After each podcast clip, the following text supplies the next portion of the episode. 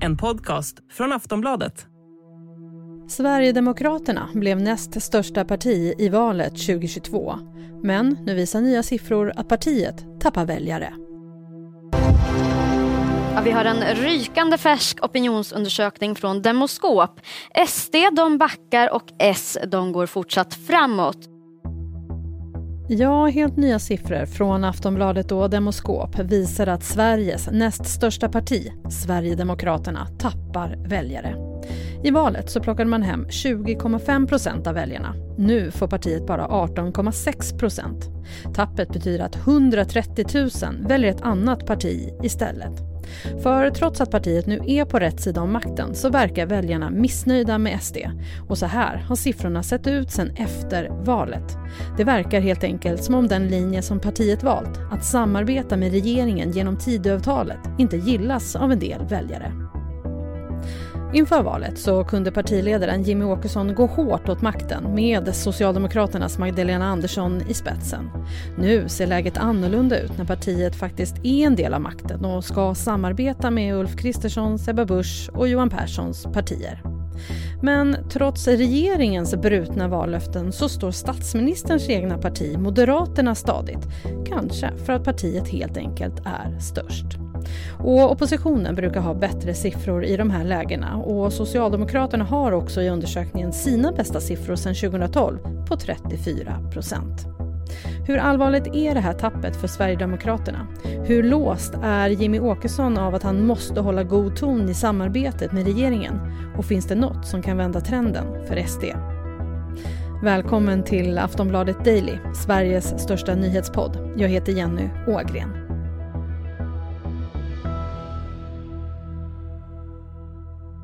Och jag har med mig Lena Melin, inrikespolitisk kommentator hos oss på Aftonbladet. Lena, Sverigedemokraterna tappar rejält med väljarstöd. Hur kommer det sig?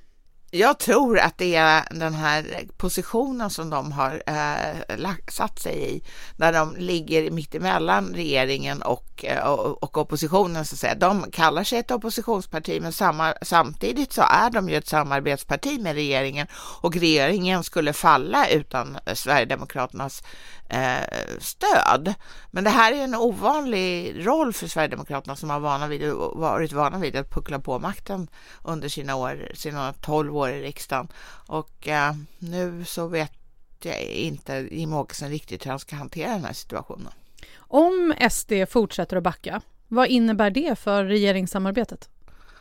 Jag tror att det är väldigt dåligt för regeringssamarbetet därför att som sagt regeringens eget underlag i riksdagen är 29 procent. Det är en väldigt smal bas för en regering och en smalare bas än till och med Magdalena Andersson hade när hon blev statsminister och eh, Miljöpartiet hoppade av regeringen. Eh, då hade hon i alla fall drygt 30 procent eh, men bakom sig. Men så att de är ju helt beroende av att Sverigedemokraterna eh, ser till att, eh, att de får igenom sina förslag och också att eh, Ulf Kristersson infriar ett av sina absolut viktigaste vallöften, att han skulle leda en regering som fick igenom sin budget. För det här är ju i grunden ett budgetsamarbete som, som Sverigedemokraterna har med regeringen. Men det så, så, att det skulle vara väldigt, väldigt dåligt om de så att säga drog undan mattan för det här samarbetet och det tror jag inte för närvarande är någon risk för heller. Därför att än så länge tycker Sverigedemokraterna att de tjänar mer på att samarbeta med regeringen än att inte göra det. Hur allvarligt skulle du säga att det här tappet är för SD?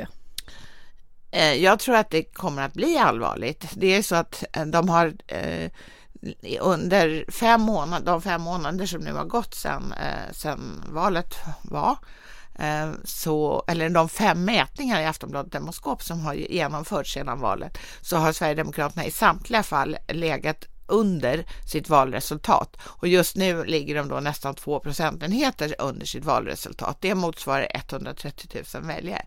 Jag tror att för närvarande så kan Sverigedemokraterna i viss mån skaka av sig det här. Men det är klart att om det pågår under en längre tid så kommer ju Ehm, kommer ju nervositet att sprida sig och partitoppar som blir nervösa, de gör eh, konstiga saker och det kommer Sverigedemokraterna också göra om det här hänger i sig. Finns det en gräns när SD lämnar samarbetet för att rädda sitt väljarstöd? Absolut gör det det. Jag vet inte var den gränsen går, men någonstans så är det ju så. Det som Jimmie Åkesson och hans partiledning måste värna om, det är ju Sverigedemokraterna. Och den dag som de eventuellt tycker att det här samarbetet är sämre för dem än, än att gå sin egen väg, då kommer de att gå sin egen väg nu ska man ju komma ihåg att enligt Tidöavtalet, alltså det här avtalet mellan de tre regeringspartierna och Sverigedemokraterna, så får ju Sverigedemokraterna igenom ganska mycket av sin politik. Men på de områden som är viktigast för dem så är det ju så att där har ju de andra partierna eh, också haft ganska långtgående utfästelser när det gäller brott och straff och, och invandring och, och Eh, ja, överhuvudtaget saker och ting som är förknippade med migration.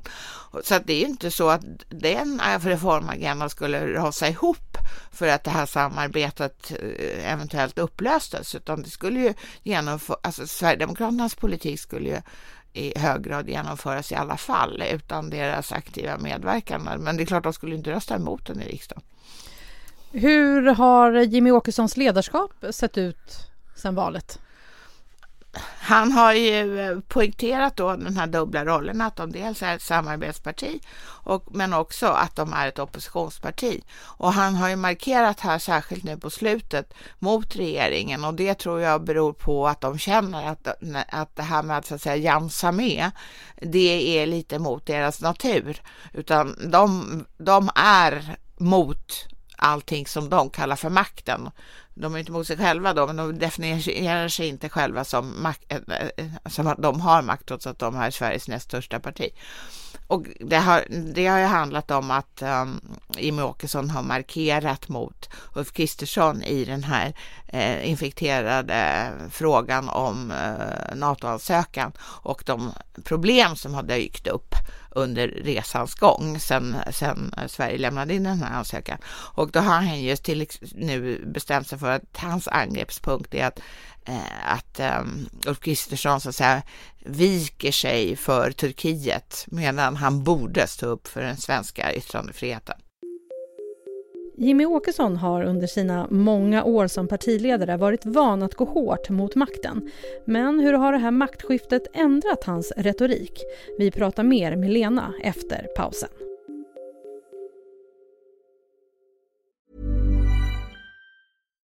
Millions of people have lost weight with personalized plans from Noom. Like Evan, who can't stand salads and still lost 50 pounds. Salads generally for most people are the easy button, right? For me, that wasn't an option. I never really was a salad guy. That's just not who I am. But Noom worked for me. Get your personalized plan today at Noom.com. Real Noom user compensated to provide their story. In four weeks, the typical Noom user can expect to lose one to two pounds per week. Individual results may vary. Inför valet så kunde ju SD gå rätt hårt åt eh, regeringen med Magdalena Andersson i spetsen. Nu ser ju läget obviously annorlunda ut. Hur mycket påverkar det Jimmy Åkessons retorik och åsikter? Det är en, alltså, han måste ju lära sig en helt ny roll. Han har ju hela sin partiledartid som är ju väldigt lång vid det här laget. Han, har ju, alltså, han firar i vår 18 år som partiledare. Så har ju hans utgångspunkt varit att banka på makten med alla tillgängliga medel och det kan han inte riktigt göra nu.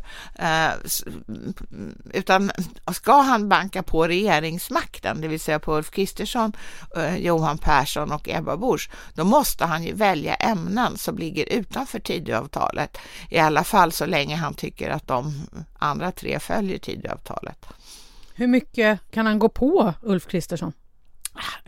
Ganska mycket om han väljer smarta frågor som ligger utanför det här och som, eh, som kanske också Ulf Kristersson kan hacka i sig eh, att, att han får kritik för därför att han förstår att det är någonting som, som Jimmy Åkesson måste göra för att hålla sina anhängare på gott humör. Hur är relationen mellan de två? Ja, de, prat, de kallar ju varann för Ulf och Jimmy och sådär, men jag tycker inte att jag upplever någon större värme, det kan jag inte säga. Hur mycket tror du att eh, Ulf Kristersson är beredd att stå ut med?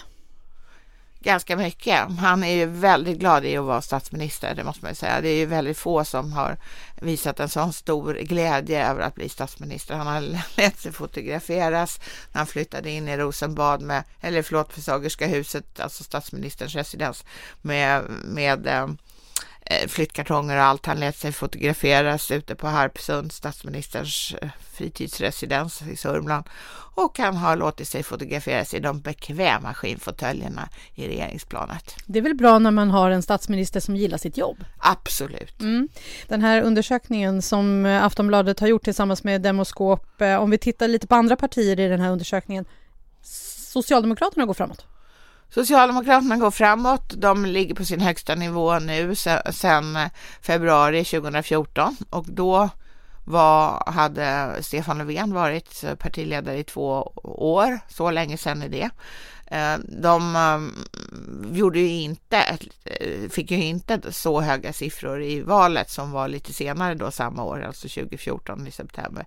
Så att ehm, man, det finns väl skäl att tro att de här siffrorna också är ganska uppblåsta, så att det är inte så att Socialdemokraterna skulle få 34 procent om det var val om tre veckor. Och jag tror ju också att det varningsklocka för Magdalena Andersson borde vara att det här beror ju inte på att de själva har gjort så enormt mycket, utan det är ju för att folk är missnöjda med de här brutna vallöftena från, som, som till, man kan tillskriva den sittande regeringen. Det brukar se ut så. Ja. Mm. Och hur ser det ut för småpartierna då? Ja, det är, det är väldigt eh, dåligt. tre, av dem, tre av dem ligger på eller under 4 procent. Alltså, eh, Kristdemokraterna ligger på 4 spärren, Miljöpartiet och Liberalerna ligger under. Så att de har ju en del att kämpa med får man säga. Ja, vi får väl säga då att det är tur för dem att det inte är val just nu. Verkligen. Lena, vad behöver nu eh, Sverigedemokraterna göra då för att vända trenden? Alltså jag tror ju att de måste ta sig en funderare på hur de vad som ska vara äh, alternativet till deras påpucklings eh, eller i alla fall Jimmy Åkessons påpucklingstaktik som han har ju drivit väldigt framgångsrikt, eh, eh, både innan de kom in i riksdagen och under den tiden. Och det, det är ju nu alltså snart 13 år sedan de kom in. Där han ju har gått till storms mot makten och han har aldrig själv identifierat sig med makten, det, vilket ju snart är omöjligt att göra eftersom han är typ, tillhör snart åldermännen i riksdagen och har varit partiledare då i, sedan 2005 eh, och är den absolut utan prut mest erfarna partiledaren i, i, i, i uh, det här riksdags, uh, sam, riksdagsgänget. Så att han, han, måste nog, han måste tänka ut något nytt. Uh, men fortfarande tror jag att det är viktigt att vara emot allting. För det är lite så som Sverigedemokraternas väljare vill ha det. Att, världen är inte så bra som den borde. Det är den och dens fel och jag kan göra det bättre. Sist här Lena Melin, inrikespolitisk kommentator på Aftonbladet. Jag heter Jenny Ågren och du har lyssnat på Aftonbladet Daily. Vill du höra mer om politiken i Sverige? Ja, då ska du ta och lyssna på vår politikpodd En runda till med Olivia Svensson, Lena Melin och My Råväder. Nytt avsnitt kommer varje vecka och du hittar även den i Aftonbladets app eller i din poddspelare. Vi hörs snart igen. Hej då!